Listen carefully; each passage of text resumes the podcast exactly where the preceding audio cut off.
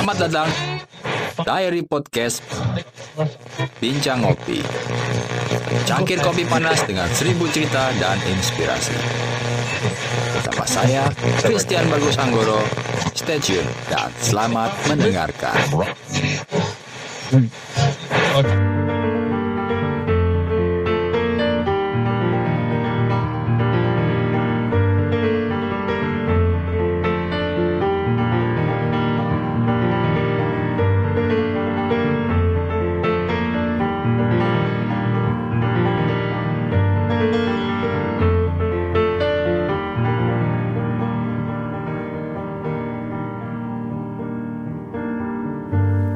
It's a wonderful life, it's a wonderful life. Traversing tears from the heavens. My heart is a melodram, a melodram, in fact. Satellite by echoes of pain 24 7, 24 7. I dream, I smile, I walk, I cry, I dream, I smile, I walk, I cry. You might not say that it's a wonderful world, and it's a wonderful life, and it's a wonderful day, just yesterday. But I won't complain. No, I won't complain. Uh, Oh, my good days are far gone. They'll surely come back one more. So I won't complain. No, no.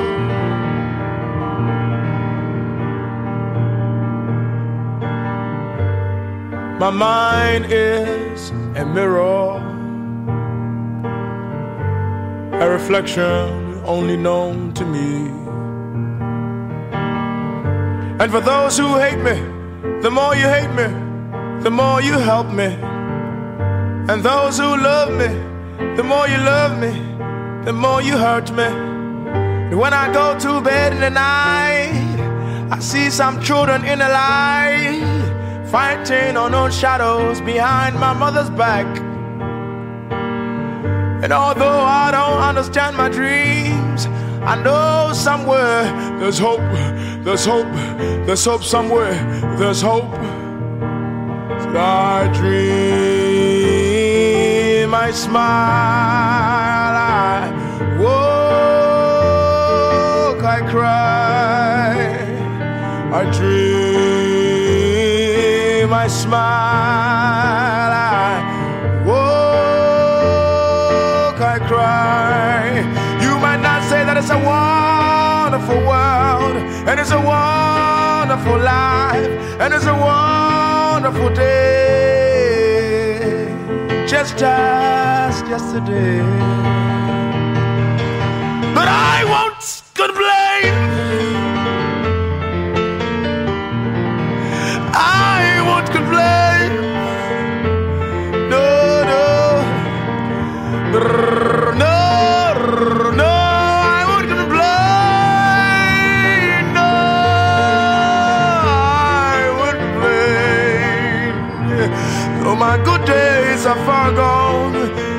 surely come back one more. So I won't, I won't complain. My good days are far gone, they will surely come back one more. So I won't, I won't complain. Hey good people, hai sahabat bincang kopi, apa kabar kalian semua di hari Sabtu ini? Hari spesial buat kita having fun, day off ya, holiday, yeah. Kalau saya namanya hari Sabtu, hari Minggu, hari Senin itu day off untuk setahun yang lalu.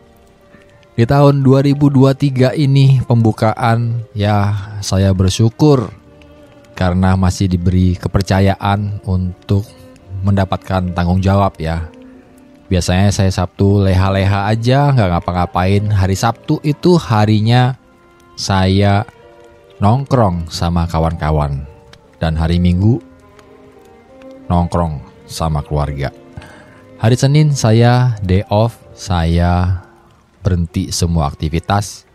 Saya tidak mau berjumpa dengan kawan, saya juga nggak mau nongkrong sama keluarga. Itu jadwalnya me time. Jadi belakangan ini, tahun ini ya, masa liburan day off saya tuh sudah mulai berkurang karena tanggung jawab. Ya dulu saya bisa terlalu saklek ya mengambil keputusan bahwa kalau hari Sabtu nggak kerja ya nggak kerja aja gitu. Hari Minggu atau hari Senin saya bilang nggak kerja ya nggak kerja aja. Jadi semenjak adanya pandemi di tahun 2020 saya merasakan dampaknya yang luar biasa ya. Selain usaha semuanya shut down Project-project saya sama kawan-kawan yang terhenti yang sampai saat ini nggak ingin saya lanjutkan kembali ya anggap saja itu kita uh, bakar duit ya hilang dah. Karena saya sendiri nggak mau kembali semangat semangatnya nggak mau dibawa ke sana untuk uh, kembali menghadirkan itu menjadi realita. Ya udah saya sepakat sama kawan saya bahwa oke okay, kita shoot down dan kita anggap ini adalah kerugian tapi kerugian yang saya maksud artinya tidak 100% hilang ya. Aset kan masih ada, masih bisa dihitung. Asetnya masih bisa tetap dilihat dan terlihat gitu sama kita. Ya mau gimana? Di 2020 semuanya terhenti, bukan saya aja ya. Bahkan kalian yang mendengarkan edisi podcast ini juga ikut merasakan karena dampaknya sangat luas. Bukan hanya kepada para pengusaha, pedagang, freelance, tapi juga sama kita-kita yang masih bekerja jadi karyawan. Setelah kita survive selama satu tahun dalam guncangan yang sangat lumayan dahsyat ya, membuat kepala berpikir dan jidat itu terus berkerut mencari jalan keluar daily ya. Kita berpikir, apalagi saya yang usahanya tuh belum settle besar gitu. Artinya di tahun 2018-19 memang sih adalah masa-masa yang lagi menanjak bagus-bagusnya usaha saya, project saya makin bagus ya. Tapi di 2020 ya terhenti. Terhentinya karena ya nggak ada lagi customer, semuanya hilang dan modal juga hilang karena kalau saya bilang kita jualan sebagai supplier kopi tentu kadang-kadang ada nota yang dibayarnya mundur ya ada yang satu bulan, ada yang dua bulan, ada yang tiga bulan. Nah, nota-nota numpuk ini akhirnya banyak tuh perusahaan, ada villa-villa dan hotel yang bayarannya suka mundur. Gara-gara pandemi mereka tutup, mereka bangkrut dan nggak buka lagi sampai sekarang. Beberapa ada yang buka tapi namanya sudah berubah. saya susah jadi menagih ke mereka karena alasannya banyak sekali dan saya dengan istri sepakat bahwa ya sudahlah kita let's start again from zero. Zeronya bukan nol besar ya, nggak seperti ketika saat pertama kali merintis. Nah, masa-masa seperti ini adalah masa-masa ketika kita masih ingat mungkin kalau saya sendiri ingat bahwa di setiap doa saya di malam hari saya selalu minta kekuatan sama Tuhan. Saya minta bijaksana sama Tuhan. Dan dikabulin gitu. Ketika banyak masalah terjadi, saya juga harus belajar menjadi orang kuat. Masalah terjadi, saya juga harus belajar menjadi orang yang kuat juga bertanggung jawab, bertahan gitu. Untungnya saya tipikal orang yang tidak terlalu banyak menghambur-hamburkan uang ya. Lebih banyak save. Jadi ketika pandemi masih ada tabungan untuk digunakan. Dan puji Tuhan juga saya beruntung dan bersyukur di pandemi saya malah bisa melunasi salah satu hutang saya di bank ya. Maklum namanya kita usaha, kita berdagang, bank buat saya itu bukan musuh, tapi kawan yang membantu yang mensupport saya. itu ada caranya. Kalau kita bicara soal bank, kita bicara soal pinjaman kita sama koperasi, sama yang hal-hal lainnya, itu buat saya masih perlu ya buat saya walaupun saya punya seandainya uang saya taruh di bank, tapi saya meminjam itu sebenarnya take and give aja gitu, karena menjaga nama baik. Cari nama lah ibaratnya mencari kepercayaan ketika suatu saat kita membutuhkan uang yang lebih besar lagi, dan nominal kita kurang, paling tidak kita sudah dipercaya sama bank untuk kita pinjam. Daripada pusing kita putar-putar pinjam sama kawan A, B, C, D. Nanti jadinya malah ribet ya, kacau. Saya selalu memutuskan dari dulu, bank mungkin bukan sahabat terbaik saya. Tapi bank adalah supporting sistem saya dalam membangun usaha dari nol Thanks for that. saya tidak bermusuhan sama yang namanya bank seperti beberapa kawan-kawan pedagang lainnya. Kawan saya yang tidak suka meminjam uang sama bank. Mereka suka menasehati saya, buat apa sih kamu bisa pinjam uang sama bank? Rugi. Ini, ini, ini, ini, hitungannya terlalu konkret. Saya simple aja. Kalau saya butuh, saya ada kebutuhan yang bisa dilunasi cepat, ya saya bisa pinjam bank lalu saya pakai belanja uang putar lalu lunasi lagi gitu ya administrasi kalau kita sudah berlangganan ya sudah subscribe di salah satu bank favorit kita tentu kadang-kadang nilai administratif tidak terlalu besar nominalnya. Ya cengli lah. Jadi saya nggak mau membahas terlalu luas dan panjang soal bank perbankan ya. Tapi namanya kita punya usaha buat kita yang tidak punya support system, apalagi privilege dibantu sama orang terdekat, orang tua atau kerabat yang nggak percaya pertama kali kita membangun namanya usaha, tentu dibutuhkan kepercayaan. Kalau orang nggak percaya sama kita, keluarga nggak percaya sama kita, orang tua kita nggak percaya. Lalu sama siapa lagi? Kita mau nabung, kita masih jadi karyawan, uangnya pas-pasan, ya habis melulu ya. Kecuali inget iket pinggangnya tuh sangat ketat sekali. Mungkin masih bisa save. Tapi ketika nge-save, tiba-tiba di jalan ngeliat barang bagus, ya ketergoda untuk beli. Ya nggak nabung, jadinya visinya berantakan. Nah, pentingnya kita mengontrol dan menguasai uh, karakter kita dulu sebelum kita melangkah terlalu jauh. Mampukah kita melewati fase-fase kritis dalam memulai sebuah usaha? Rata-rata karena saya sudah beberapa kali buat usaha, gagal, jatuh, bangun lagi. Rata-rata survive di awal itu 1 sampai 3 tahun. Itu bener-bener struggling ya. Kita punya uang kita save, kita putar. Dan kalau beruntung ya bisa lebih dari tiga tahun, artinya kita bisa save cost, kita bisa bermain. Dan di situ banyak rencana, strategi ya, sales pointnya gimana, marketingnya bagaimana. Di sana banyak sekali pilihannya. Kita mau milih ya, ketika punya tabungan, punya uang lebih, kita memilih untuk foya-foya atau kita memilih untuk berinvestasi barang-barang kita punya aset ya, aset yang bisa berputar, aset yang produktif. Jadi kita mau beli apa? Mau beli emas, mau beli operasional kendaraan, kita mau beli apa gitu bisa. Dan kebanyakan di fase-fase melewati kritis, ada orang yang bersenang-senang malah menghambur-hamburkan uangnya sampai habis. Dan ketika mereka berpikir rezekinya besok juga bakalan sama, ternyata meleset karena rezeki keberuntungan yang pertama itu mungkin saja nggak akan pernah datang untuk dua kalinya. Kalau kita nggak save cost, makanya ada cost control management. Betul nggak sih, nih kawan-kawan para pendengar bincang ngopi ini ada yang pengusaha ya, ada yang pedagang juga. Nah, mohon dikoreksi ketika kalian memulai sebuah usaha, apa tuh yang kalian lakukan? Save cost ya pasti gak banyak gaya. Itu sudah pasti. Apalagi kita yang gak punya privilege. Semuanya perlu diperhitungkan. Semuanya ada kalkulasinya. Wah itu tambah kita gak bisa main-main. Makan sehari sekali kalau kuat malah is oke okay gitu. Lebihnya bisa kita tabung. Sampai uangnya tuh beranak baru kita bisa nikmatin uang dari hasil uang kita yang beranak menjadi apa gitu kita dagangin baru kita bisa makan yang lebih enak lagi gitu. Seperti itu sih kalau buat saya ya yang selama ini juga saya jalani, saya melihat semua kawan-kawan saya yang pebisnis, apalagi ya pedagang yang mereka berputar tiap hari, pusing. Bener pusing.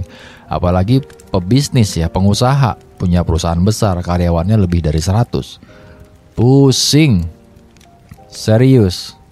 Mikirin pajak, mikirin omset, mikirin besok bagaimana strateginya, terus mikirin kompetitor mereka lebih hebat selangkah berapa langkah dari sebelumnya kita harus atur kuda-kuda kita nggak gampang makanya ketika merintis benar-benar kita itu paham kondisi kita seberapa kuat kita seberapa mampu kita dan seberapa jauh kita bisa memproyeksikan diri kita melangkah dalam fase-fase kritis 1 sampai 3 tahun.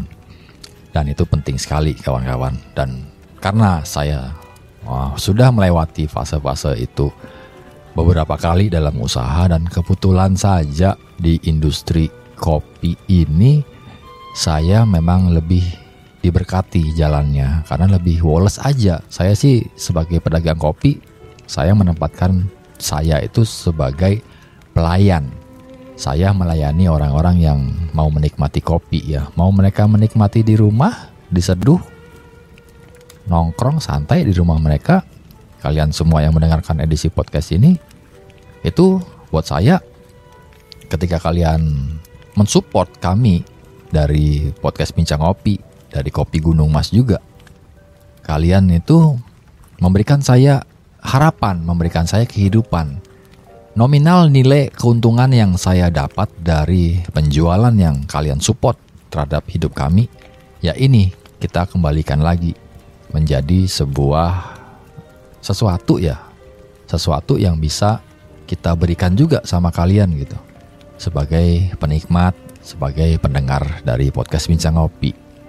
Dan kita belum bisa melakukan hal yang banyak selain ya beriklan namanya punya usaha dagangan kita ngiklan di media sosial kita berkolaborasi kita memperluas jaringan networking kita. Itu juga memakan biaya memakan tenaga memakan pikiran juga terutama waktu ya yang penting ya. Kalau waktunya ngepas ada acara kita harus datang buat networking baru tapi waktu kita malah nggak ada kita capek habis untuk bekerja. Dan saya ini tipikal orang yang menggunakan bukan sebagai owner di usaha yang saya bangun. Bukan sebagai founder ya mungkin founder ya. Tapi saya tuh malah melabeli diri saya sebagai self worker sebagai pekerja aja ya. Di perusahaan kok di perusahaannya di usaha di usaha yang saya bangun. Jadi saya menempatkan diri saya harus mampu menguasai semuanya sampai kapan gitu. Dan kebetulan usaha saya ini sudah berjalan 7 tahun. 7 tahun melewati fase-fase kritis. 1 sampai 7. 1 sampai 3 itu masa yang paling terberat. Masuk ke 4, 5, 6, 7 itu masa-masa kita asik gitu. Masa-masa kita bisa seperti kayak main tenis kita pukul dipukul balik lagi kapan kita mau memukul lebih keras lagi itu semua ada yang nandingi gitu. Dan seru asik semuanya masih sangat berjalan oke. Okay. before pandemic after pandemic baru segala game change. Semua permainan itu berubah. Yang dulunya orang tidak sombong jadi sombong yang dulunya sombong, ada juga yang nggak sombong. Berubah semuanya, semua berubah. Ada yang orangnya dulu nggak serakah, tiba-tiba cari uang karena 2 tahun 2020, 2021, ya 2022 maybe ya dua tahun dari 2020 2021 itu memang bener-bener kita tuh struggling kita tuh survivor kita harus bisa mampu bertahan jadi uang kita habis-habisan, banyak yang jual aset ya, banyak yang jual tanah, jual mobil, jual peralatan apa pun yang dia punya untuk bertahan hidup. Jual emas, jual jam. Saya melihat itu dengan mata kelap, dengan mata kepala saya sendiri gitu. Orang-orang kawan saya beberapa ya dia sampai hati menjual uh, emas perhiasan ya apalagi perhiasan nikah perhiasan kawin dan itu sangat berat sekali. Saya sih nggak punya cincin kawin sama istri saya karena kita nikah habis itu cincinnya kita simpan nggak pernah kita pakai. Dan itu juga emasnya juga bukan emas yang mahal ya. Maklum emasnya dari kopi gunung mas. Soalnya kita berpikir kita tuh punya banyak emas. Di kemasan kopi kita 250 gram bayangin itu kemasannya emas namanya gunung emas kita itu memberikan sama orang-orang produk yang beratnya 250 gram emasnya hmm istimewa ya Dan itu kita punya banyak di rumah, jadi kemungkinan ya kita anggap itu adalah emas terbesar kita yang menghidupi, yang berputar. Jadi buat kita tuh, buat saya sendiri, perhiasan yang mahal-mahal kita jarang berinvestasi ke sana. Tapi kalau soal emas, antam, itu kita malah lebih uh, fokusnya ke sana ketimbang ke perhiasan. Karena perhiasan jewelry kan ada musimnya hari ini mungkin tahunnya desainnya seperti ini harganya bisa mahal. Nanti di tahun-tahun berikutnya tiba-tiba nggak ada harganya sama sekali karena itu dibeli by demandsnya by keinginan kita. Kita senang lihat desainnya kita beli buat kita pakai diri kita sendiri gitu. Kalau kita mau jual lagi kadang-kadang kan orang nggak mau gitu seleranya beda. Jadi harganya nominalnya turun sama kayak uh, kalkulasi kita membeli sebuah kendaraan ya roda 2 atau roda 4. Sekarang bisa mahal, berapa tahun kemudian tiba-tiba harganya anjlok. Kalau kita anggap itu sebuah investasi, bisa saja kita yang buntung ya, kecuali kita beli Holden kendaraan uh, yang tua-tua, yang klasik, yang nggak ada saingannya gitu. Ya mungkin saja harganya tetap malah bisa lebih mahal, jauh dari harga ketika dibeli saat itu ya. Dan itulah buat saya sedikit banyaknya tentang investasi buat saya kawan-kawan. Jadi kenapa sih edisi podcast ini saya buat seperti ini? Sebenarnya perasaan lagi ada kesedihan saya ini. kesedihan karena beberapa dari keluarga menilai saya itu hidupnya nggak berkembang ya. Hidupnya cuma gini-gini aja, monoton. Bukannya nggak berkembang, saya menolak perkembangan yang terlalu cepat. Karena saya maunya itu ketika saya berkembang, kebijaksanaan saya juga berkembang gitu. Seiring perjalanannya usaha, seiring meningkatnya pendapatan saya, juga saya mau meningkatkan kredibilitas saya. Apalagi ketika kita membawa beban berat ya dalam satu kendaraan. Saya memastikan bahwa ban kendaraan saya itu bagus dan layak anti slip.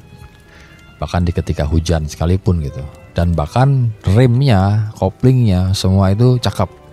Semua itu di upgrade. Dan itulah buat saya ketika saya belajar mau belajar saya terus mengupgrade diri saya. Saya nggak mau fly too fast gitu bukannya karena gimana saya tuh nggak mau ambisi saya berantakan saya punya ambisi hidup tapi ambisi ambisi saya nggak serampangan ambisi saya juga nggak muluk-muluk ya nggak kayak plankton yang mau menguasai uh, penjualan ya. saya paham, saya tipikal orang yang mengerti kondisi. Saya orang yang menghargai bahkan menghormati sebuah keputusan. Ketika saya bilang A, maka itu akan menjadi A selamanya gitu. Gak bisa ditawar, gak bisa diganggu gugat. Agak rada kaku saya orangnya karena saya uh, menganut sistem old school ya, sistem perdagangan lama atau orang-orang yang hidup dengan circle yang lama ya kehormatan itu adalah penting buat saya bukan yang nomor satu tapi itu penting untuk kita miliki karena dengan kehormatan kita tahu batasan ketika kita melakukan sesuatu supaya nggak berlebihan nggak gila hormat juga gitu kehormatan buat saya artinya menjaga apa yang menjadi milik saya ya sudah itu memang punya saya. Apa yang milik kalian, saya berusaha tidak ingin memiliki. Saya tahu batasan bahwa sampai di sana ya sudah saya terima.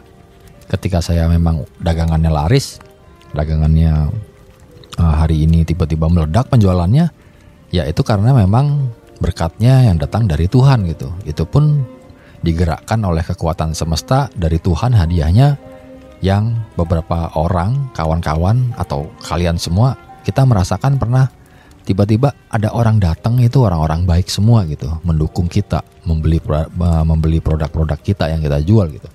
Bahkan mereka nggak banyak nanya, mereka beli-beli aja gitu dan belinya juga nggak sedikit banyak.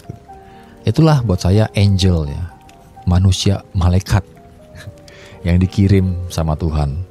Mungkin seperti itu tapi ketika saya lebih deep lagi berpikir, mereka mungkin adalah orang yang merintis dalam hidup ini dari nol gitu. Jadi bisa mereka rasakan bagaimana rasanya sebuah penderitaan ketika kita merintis sebuah usaha. Dan orang-orang itu saya rasa adalah orang-orang yang memberikan kita itu kehormatan yang layak sebagai orang yang harus disupport. Semoga dengan support-support dari orang-orang baik seperti mereka, kita bisa makin bertumbuh dalam hidup ini, kita growing gitu. Bukan malah mata kita kita tutup untuk pura-pura nggak ngeliat ya.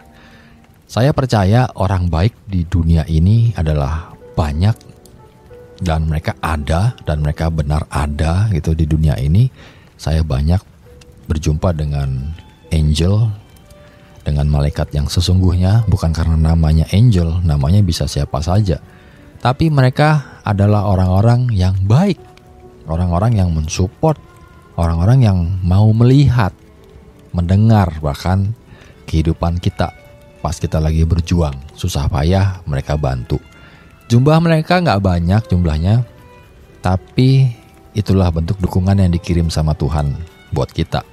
Dan semoga kita bisa menghargai bantuan-bantuan yang datang dari orang-orang ya. Mungkin nggak kenal sekalipun, mereka adalah orang-orang yang dipilih Tuhan, dikirim buat hidup kita untuk bisa berproses kita dalam kehidupan. Dan mungkin saja buat saya bisa dikategorikan seperti itu ya kawan-kawan ya. so why edisi podcast ini saya buat karena yaitu kembali lagi.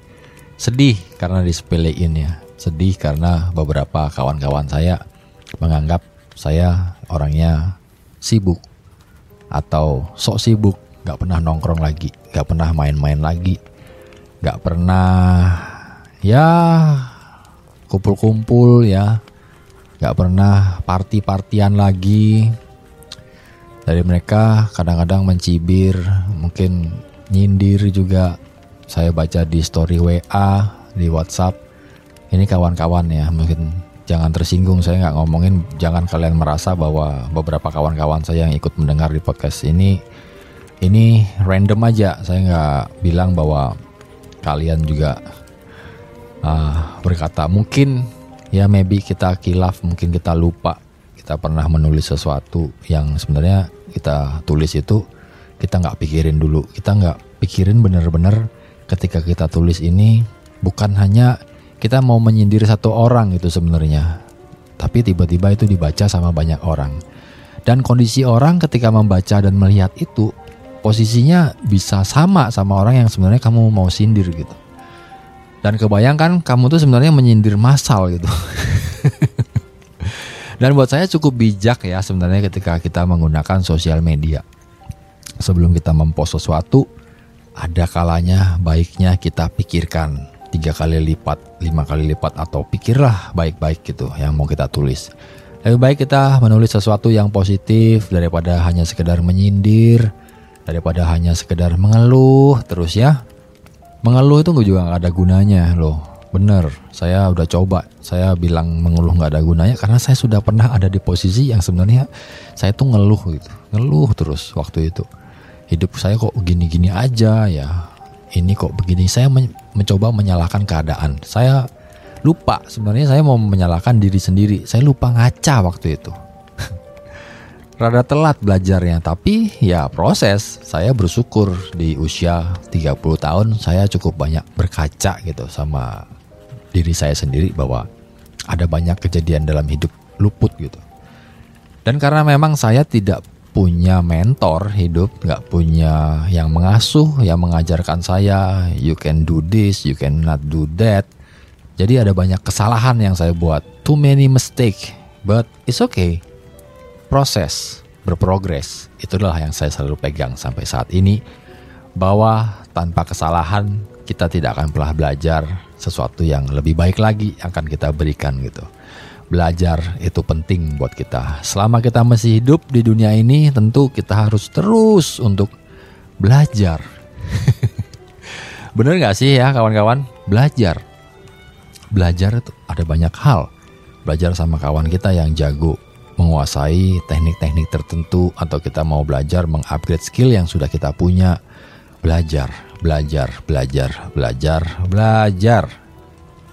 Saya yakin ketika kita berhenti untuk belajar dan berpikir otak kita nggak dirangsang dengan diberikan sesuatu ide-ide yang cemerlang atau kita berhenti mungkin baca buku mungkin stagnan ya otaknya jadi ngeblank maybe ya. Maybe maybe maybe seperti itu. Kembali lagi soal menyindir. Ya namanya hidup. Suka-suka lu aja ya. Mau nyindir mau ngomel-ngomel mau istilahnya apa pun yang kalian mau lakukan kebanyakan orang kan menganggap sosial media adalah punya gue gitu punya saya. Suka-suka saya dong mau saya posting ini kek mau saya posting itu kek ya sebenarnya nggak apa-apa sih itu sah-sah saja Ya kalau bisa sih saran saya jangan banyak nyindir karena mungkin bukan hanya satu orang yang merasa tersinggung dengan sindiran Anda, tapi ada banyak orang. Jangan-jangan ketika kalian punya keluarga di lingkaran sosial mediamu, malah jangan-jangan keluarga kita tuh yang ikut tersinggung. Kan berabe jadi nanti jadi bahan omongan sama tante kita, sama om kita, mas pupu ya. Ya nggak baik ya. Ya kalau kita mau ada perasaan nggak enak, mendingan kadang-kadang kita ngomong to the point aja sama person to person ya. Mau ketemu, mau jumpa, ngobrol aja langsung gitu, face to face, gentle ya. Itu bagus, itu penting dan keren gitu loh. Laki-laki apalagi kalau cuman kerjaannya nyindir melulu di sosial medianya, saya nggak kebayang deh hidupnya tuh ngapain aja ya. Berpikir ya, mereka tuh pemikir keras loh seorang pemikir. Saking mereka mikir terus, mereka tuh banyak tersinggungnya ya. Tersinggung karena ketidakmampuannya atau terlalu kelebihan gitu skillnya. Nobody know, tidak tahu. Karena siapa yang mampu menyelami jiwa pribadi orang masing-masing ya. Kita nggak bisa nyenangin banyak orang, kita nggak bisa gitu memilih suatu kubu untuk terus kita senang-senangi gitu. Buat saya budaya untuk nggak enakan itu sebenarnya nggak perlu juga. Dan itu penting sih buat kesehatan jiwa dan mental kita. Nggak enak gitu. Orang sebelah lagi kerja keras bersih bersih gitu terus kita nggak enak gitu. Ya kita bantu bantuin dia. Ya sekali dua kali is oke okay lah. Tapi kalau tiap hari jadi keterusan ya malah nanti nggak dihargain. Kan jadi berabi serba nggak enak gitu. Teman datang lama 13 tahun nggak jumpa. Tiba-tiba baru jumpa. Minjem duit. Habis minjem duit gak dibalikin. Lupa. Wah duh nggak enak sih awalnya ya. Temen lama nggak ketemu. Lu pinjem duit dong lu lu ada uang segini nggak? Waduh ya kita kasih pinjem nggak enak gara-garanya nggak enak gitu menjaga hubungan. Tapi ketika kita berpikir kita menjaga hubungan dia sendiri nggak bisa menjaga hubungan. Dan saya juga nggak mau ngomongin terlalu jauh karena ketika saya berbicara takutnya mungkin bisa membuat kalian merasa tersindir lagi. Atau berpikir yang enggak enggak kalian bisa mengungkit perasaan. Kalian pernah pinjam duit sama siapa sama kawan-kawan ya ya namanya hidup. Saya cuman spill sedikit tentang ya namanya kehidupan dewasa. Namanya hal-hal seperti itu nggak bisa kita elakkan kawan-kawan. Tapi intinya adalah saya mau bercerita sedikit tentang yang namanya mengeluh. Berhentilah kita mengeluh kawan-kawan. Mungkin kawan-kawan pendengar dari podcast bincang ngopi sering atau pernah mengeluh? Nggak. Terlalu sering ya. Mungkin kita harus cek berapa sering kita mengeluh dalam hidup ini? Kalau ngeluh hal-hal yang sepele juga lama-lama nggak enak ya. Apalagi ngeluhnya kita tulis di sosial media, di Facebook bisa dibaca. Kesannya banyak ya. Kesannya mencari perhatian, kesannya pingin diperhatikan, kesannya A, B, C, D, E, F, G. Gak apa-apa mungkin buat kawan-kawanku beberapa bilang seorang psikolog. Mungkin orang yang sering mengeluh dia tulis di sosial medianya untuk pay attention. Ketika mereka pay attention ada yang merhatiin ada yang komen mereka seneng gitu. Tapi masalahnya itu menjadi kecanduan. Ada dikit-dikit begini ditulis lagi. Ngantri panjang lama ditulis. Jalan kaki jauh ditulis. Kena panas sedikit ngeluh ya. Ditulis lagi di sosial media. Waduh berat kacau. ya memang hidup sejatinya memang seperti itu gitu, perjuangan. Segala sesuatunya tuh butuh perjuangan. Kita nggak bisa gitu kita senang dalam hidup ini yang mungkin saja terlihat senang, ya senang-senang, belum tentu dibaliknya senang. Gitu. Kenapa saya bisa bilang demikian? Ini gara-gara juga ada yang nyepil gitu di suatu sosial media dia tulis tentang melihat hidup saya tuh kok enak gitu. Hidup saya tuh nggak ngapa-ngapain gitu. Kerjaannya buat podcast kerjaannya ngeposting soal uh, action figure mainan hobi musik musik musik ngopi main game musik ngopi. Ya gitu-gitu aja gitu ya memang itu yang saya bisa berikan bagikan sama kawan-kawan saya. Kan saya nggak mau berlebihan gitu buat apa gitu. Saya ngopinya di rumah terus. Ya saya posting yang ngopi gitu. Saya selamat pagi good morning people. Ngopi time ngopi time and music. Ya itu ya gitu aja gitu nggak ada lagi. Apa yang mau saya berikan? Mau posting saya lagi ada di Lebanon atau lagi di Amerika atau di Jepang gitu. Ya saya belum bisa sampai sana gitu. Rezeki saya hanya saat ini mampu bisanya dinikmatin untuk mengembangkan usaha. Saya fokusnya untuk mengembangkan usaha. Saya tuh senang buat usaha gitu, buat startup. Jadi saya lebih mementingkan itu ketimbang membeli barang-barang branded yang mahal atau memilih untuk jalan-jalan bersenang-senang gitu, party-partian itu sudah selesai buat saya zamannya udah selesai. Saya ini usianya udah cukup matang dewasa ya kalau saya masih melakukan hal-hal yang dilakukan sama kawan-kawan di usia 20 ya tentu saja itu buat saya nggak pantas ya. Bukan nggak pantas sih sebenarnya. Sudah ya sudah nggak di ke sana aja karena kebetulan ya saya sudah ada anak. Anak saya sudah mau kuliah. Saya harus fokus untuk kuliah. Dia yang lain juga masih sekolah. Saya mau mendidik mereka nyekolahin mereka di tempat yang baik. Uh, mensupport mereka harus belajar les ini les itu. Ya itu semua perjuangan gitu. Dan itu nggak gampang. Dan saya nggak pernah mau mengeluh soal itu apalagi menulisnya di sosial media, yaitu memang sudah kebutuhan dalam setiap proses kehidupan, dalam step tertentu. Itu adalah hidup. Gak bisa dielakkan. Ya, kita semua orang tua, ya, ya sudah gitu. Memang itu jalannya. Gak orang tua pun juga hidup ya ada permasalahannya. Sebagai karyawan pun juga ada masalahnya. Jadi ketika kita melihat orang yang senang sesuatu, itu belum tentu benar-benar senang gitu Kenapa saya bisa bilang seperti itu? Ya, saya sendiri contohnya. Ketika kalian, kamu, atau melihat postingan saya senang-senang terus. Senang-senangnya ya cuman gitu-gitu aja gitu, having fun. Hidup saya ini di, di negeri dongeng gitu. Hidup saya ini podcasting di rumah, nggak ke mana-mana, irit gitu kawan-kawan. irit gitu. Hidup saya ini cuman di depan microphone, uh, recording, edit, senang-senang nongkrong ngopi teman datang ngobrol ya kita ngomongin kerjaan kita ngomongin kehidupan ya something like that gitu. Nggak ada sesuatu yang berarti. Jadi kadang-kadang kalau hidup saya mau diiriin gitu apa yang mau diiriin gitu loh? Iya kan? Apa yang mau diiriin gitu loh? Beli jet juga nggak bisa ya kan? Beli Lamborghini juga ya nggak kepikiran gitu. Beli PS5 juga masih saya pikir baik-baik mendingan saya beli mikrofon ya Ada banyak hal yang masih saya harus pertimbangkan baik-baik buat apa saya beli dan seberapa penting barang yang mau saya beli itu hanya untuk bisa menyenangi orang-orang yang melihat gitu. Oh, kamu pakai barang ini. Oh, kamu pakai barang itu. Hmm, banyak duit. Oh, sugi. ya nggak kayak gitu juga kali. saya orangnya memakai sesuatu yang pantas aja gitu. Kalau cocok ya cocok aja gitu. Saya pakai barang yang nggak mahal-mahal ya.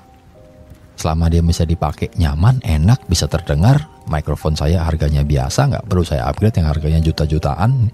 Walaupun kadang-kadang ada beberapa kawan-kawan yang suka dengan dunia podcasting, mereka datang ngelihat, oh pakai mikrofonnya begini, harusnya kamu beli yang ini, harusnya kamu soundcardnya pakai yang ini, oh mixernya gini ya agak kurang nih, kamu upgrade yang gini nanti suaranya jadi bagus.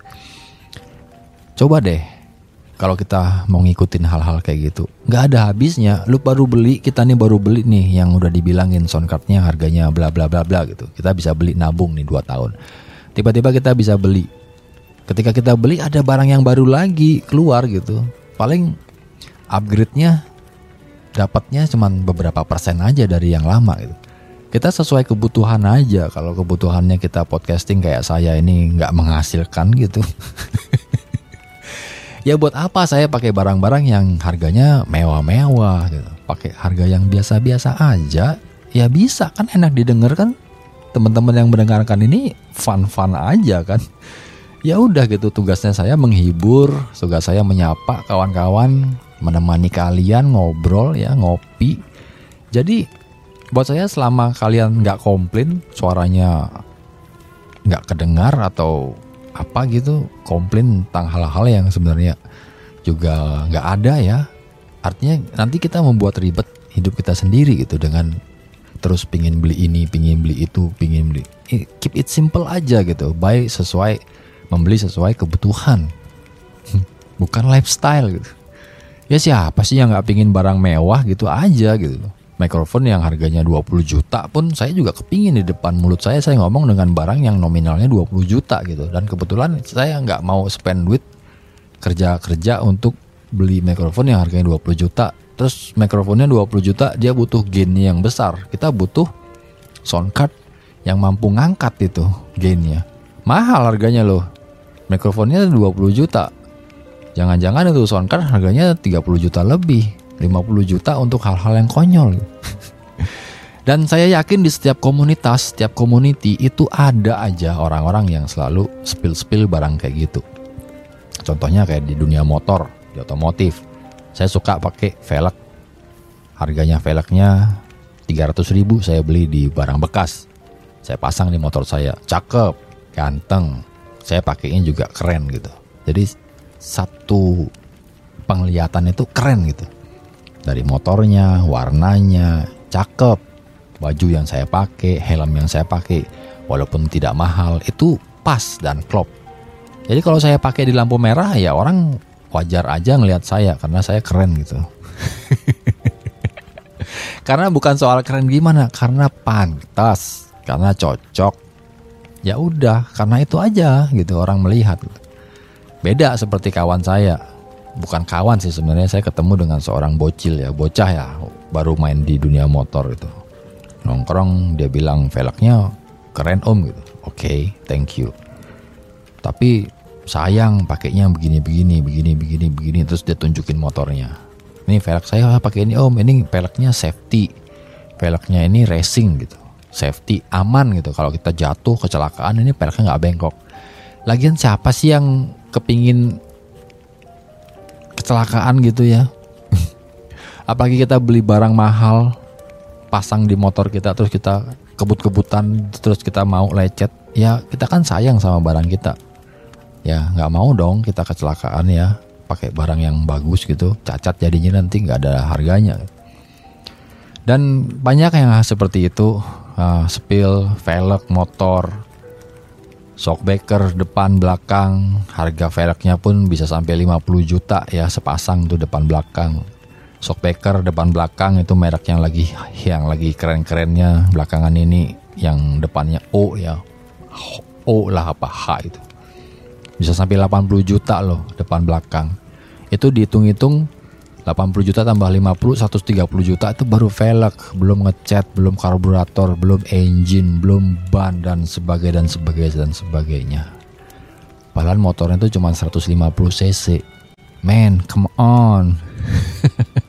Tapi nggak apa-apa gitu. Saya nggak mau mengomentari orang-orang yang membeli barang mahal.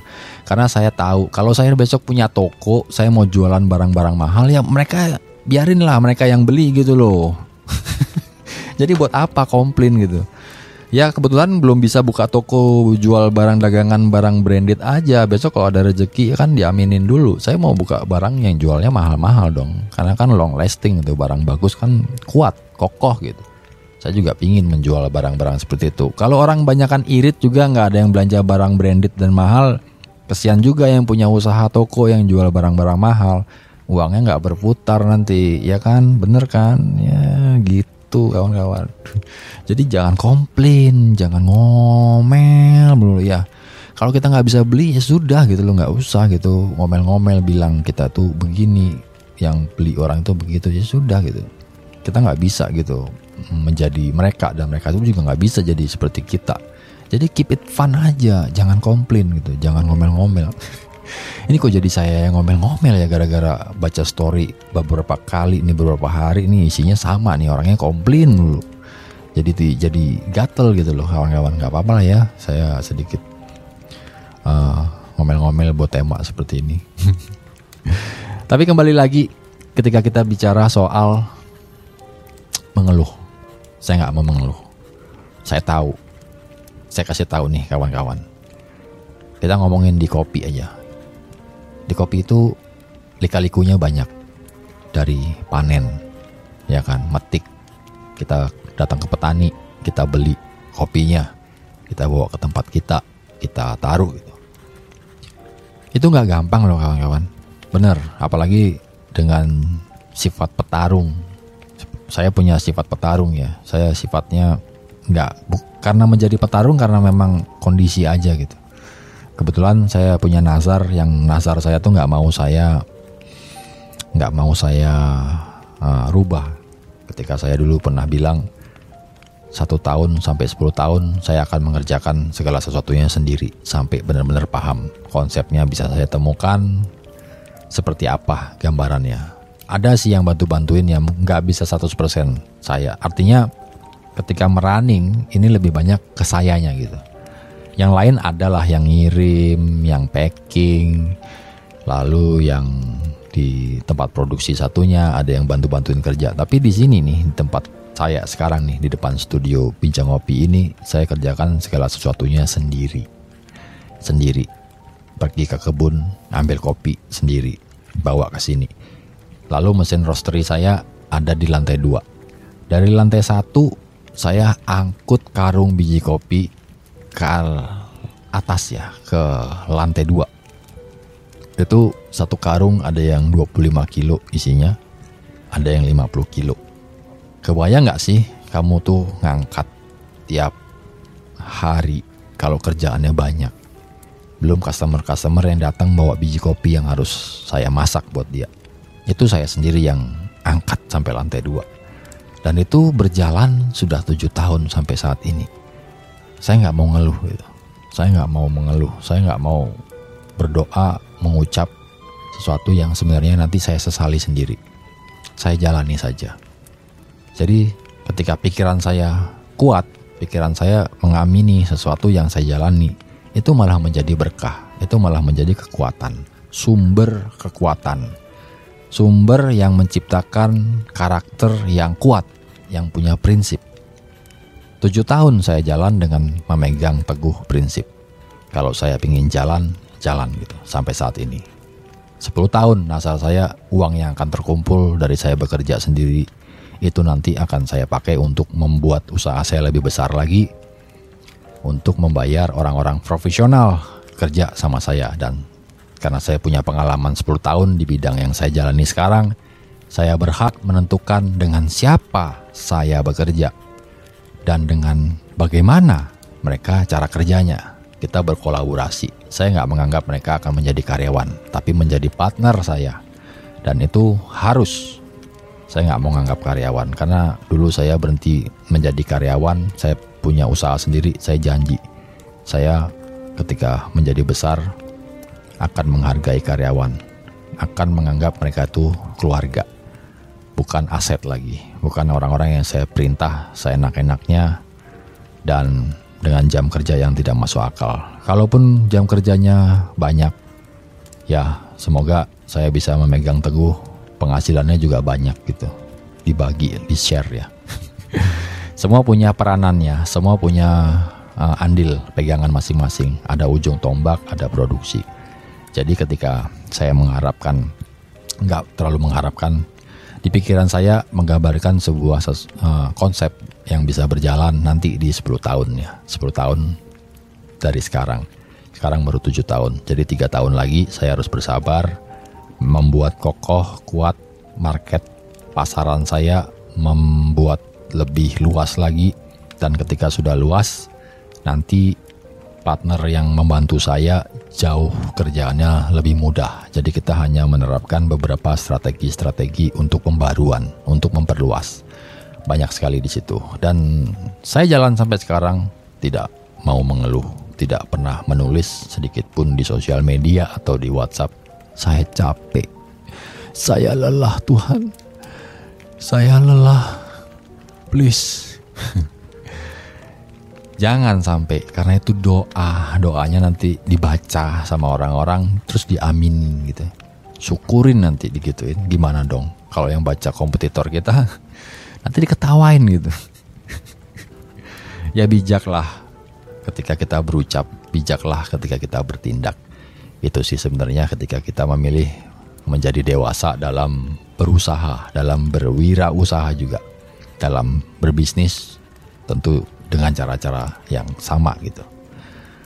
Dan ketika kita pikir budaya nggak enakan budaya kita gak enak gitu ketika kita berjumpa dengan orang mungkin sudah saatnya kita sedikit kurangi gitu. Kita capek nggak harus memaksakan gitu ketemu sama dia ngobrol nemenin dia. Padahal kita tuh lagi lelah kita tuh capek gitu budaya nggak enakan mungkin harus saya sendiri juga kurangi gitu. Dan saya mau memilih dengan siapa saya berkembang, dengan siapa saya bisa bertukar pikiran, tentu teman-teman ini adalah circle yang sebenarnya membuat kita tuh menjadi lebih dewasa ya. Kita bisa growing sama mereka. Karena mereka memberikan kita opportunity, chance untuk kita merubah nasib. Dan kita mutualisme sama dia. Kita memberi sesuatu sama mereka dan mereka pun memberi sesuatu sama kita. Adil win-win solution. Begitu saya sering menyebutnya. Jadi jangan menyeluh gitu, jangan mengeluh. Tidak baik karena mengeluh itu sebagian dari doa yang kita ucapkan dari mulut kita ya, keluar dari hati dan pikiran kita bisa tersimpan nanti jadi penyakit ya, jadi virus di tubuh kita. Jadinya dikit-dikit kita merasa ngeluh, habis energinya, lemes, malah nggak bisa kerja. Malah komplain dulu ketika nggak bisa ngapa-ngapain duduk-duduk tiduran malah. Yang ada kita menyindir orang. Ketika kita melihat orang jauh lebih bahagia kita enggak gitu. Kita nggak bisa menahan sebenarnya itu hanya di pikiran kita. Kita aja yang mau menciptakan pikiran kita lebih baik lagi. Kita mau happy kita mau sedih kita mau bahagia luar biasa menderita juga bisa gitu. Karena pikiran perasaan itu kita sendiri yang kontrol kita mau ngizinin nggak sih itu menyakiti diri kita? Atau kita merubah mindset kita dengan daily yang harus kita lakukan pagi bangun ngapain gitu? Berdoa bersih bersih kamar nyapu ngepel do something yang penting buat kita. Menulis agenda atau berpikir sambil ngeteh sambil ngopi. Mengisi sesuatu yang berguna lah paling tidak satu hari kita meng mengisi waktu kosong kita satu jam membaca buku. Membaca buku mungkin nggak bisa suka dibaca di internet mungkin bisa beli bukunya ya.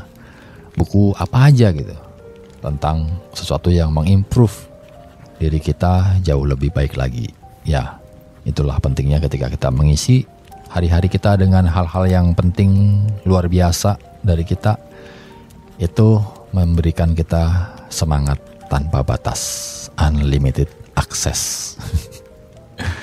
mengeluh, silakan. Tidak mengeluh, silakan. Tetap berpegang teguh pada pendirian kita masing-masing.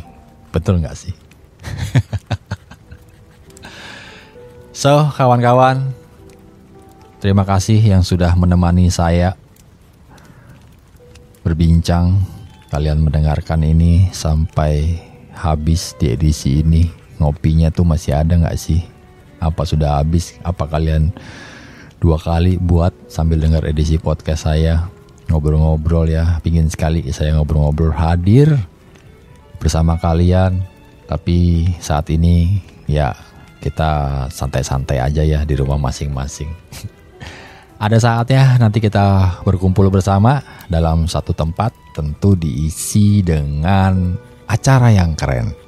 Acara yang gak kalah beken ya dengan acara-acara besar lainnya. Kita bisa karaokean, kita bisa ngopi bareng sambil bernyanyi-nyanyi, mendengarkan musik diputar sama musisi yang memainkan. Asik. Dan pastinya itu akan hadir di keluarga Circle of Bincang Ngopi Podcast. Tapi bukan saat ini ya. Masih nabung dulu. Tapi kalau ada yang mau sponsorship atau mau endorse, kita masih open. Kalian bisa hubungi saya di nomor 0817 565611. Jangan sampai didengar sama yang lain ya. Jangan sampai kehabisan slot. Ayo dong. Oke okay, guys, terima kasih buat kalian yang stay tune di edisi ini di hari Sabtu spesial buat kita menanti malam minggu. Selamat bersenang-senang, selamat berbahagia dengan cara apa pun yang kalian pilih di kehidupan kalian hari Sabtu.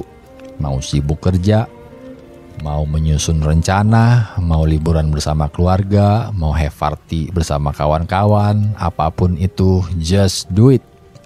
Yang penting keep on the good progress dalam hidup kita.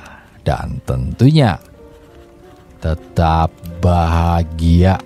Karena kalau kita bahagia, hormon-hormon yang baik sisi positif akan hadir di kehidupan kita karena kita feel happiness.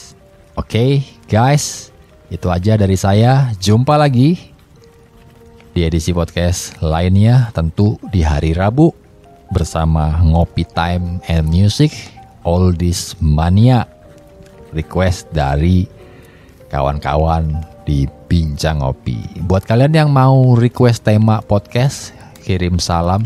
Kok kirim salam ya di sini kirim salam nggak ada. Tapi boleh kirim salam.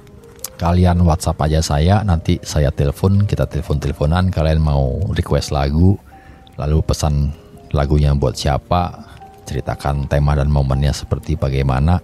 Itu bisa banget karena kita ada beberapa episode di podcast ini juga melakukan hal yang sama seperti itu. Dan belum semuanya terbit satu persatu ya jadi request sama kawan-kawan yang request lagu tentu saja saya putarkan karena saya grup dulu gitu. Kalau yang pada request lagunya temanya oldies, ya jadi saya jadikan satu. Kalau pada requestnya ngerok, ya mungkin di edisi keberapa di Ngopi Time akan saya ikut hadirkan dan akan saya bacakan khusus buat kalian semua para pecinta podcast Bincang Ngopi. Saya Christian Bagus Anggoro ingin pamit undur diri. Terima kasih. Tuhan memberkati. Semangat selalu. Cheers. I've had some good days. I've had some hills to climb. I've had some weary days and some